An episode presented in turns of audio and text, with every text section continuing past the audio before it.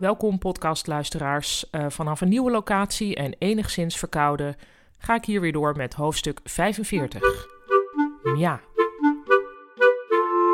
Na diep nadenken herkende Kavia dat het een langzame versie van All You Need Is Love was. Met een schok zag ze dat Ruud de kerk binnenkwam. Oh ja, natuurlijk. Ze herinnerde zich ineens weer dat hij de buurman van Juliette was. Niet lang meer overigens, want Rogier en Juliette gingen natuurlijk samenwonen met hun rotstuin. Een dominee-type die geen dominee was, nam het woord en begon dingen te zeggen als ja zeggen tegen elkaar en tegen het leven.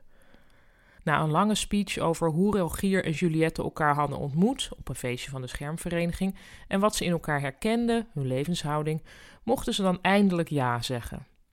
Rogiers stem sloeg over en Juliette bracht iets uit dat klonk als mja, maar ze keken heel blij en gaven elkaar een lange tongzoen. De aanwezigen gingen hierop applaudisseren en zo werd het gênante moment enigszins geneutraliseerd.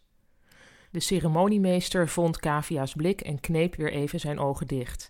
Kavia glimlachte terug. Dat haar ex nu getrouwd was, deed haar, merkte ze, helemaal niets. Daarna waren er hapjes en maakte Kavia hier en daar een praatje.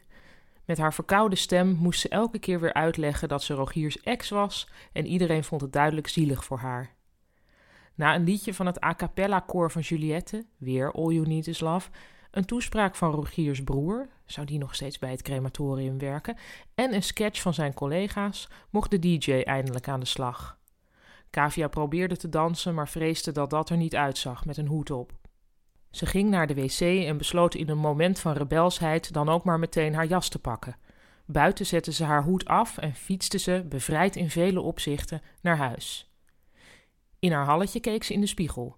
Het leek of ze een zweetband om haar hoofd had. Ze staarde een volle minuut naar zichzelf en probeerde ja te zeggen tegen het leven. Meer dan ja kwam er niet uit. Hoofdstuk 46 Bouillon de ochtend na de bruiloft van Rogier en Juliette begon Kavia te rillen. Het was zondag. Ze nam een bruistablet, ging onder de douche staan en probeerde te visualiseren dat de koorts wegspoelde door het doucheputje. Dat had ze iemand een keer op televisie horen vertellen. Het werkte niet. Met een natte vacht kroop ze weer in bed. Daar broeide ze een paar uur totdat de koorts eindelijk wat begon te zakken. Om drie uur stond ze op om bouillon te drinken. Brood was er niet, dus at ze een cracker met pindakaas.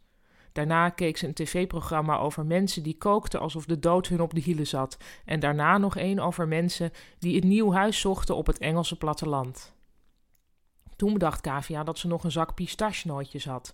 Het werd haar avondeten met alweer een kom bouillon. Voor de vochtbalans, zei ze tegen zichzelf. De volgende ochtend voelde ze zich eigenlijk wel weer prima, maar Kim zei altijd dat het beter was om uit te zieken dan om meteen weer aan de slag te gaan. Anders zou het allemaal veel erger terug kunnen komen. Ze wachtte tot negen uur met bellen, want dan zou Roy er zijn, die haar altijd begreep. De telefoon werd opgenomen met een hard hallo. Hallo, zei Kavia. Roy? Roy is ziek, dit is Ruud. Oh, met Kavia, zei Kavia. Ze probeerde extra ziek te klinken. Ik bel omdat ik uh, dit weekend ook ziek ben geworden en ik er nog niet helemaal bovenop ben. Het was even stil. Ja, ja, klonk het toen. Nee. Nee? vroeg Kavia. Nee, zei Ruud.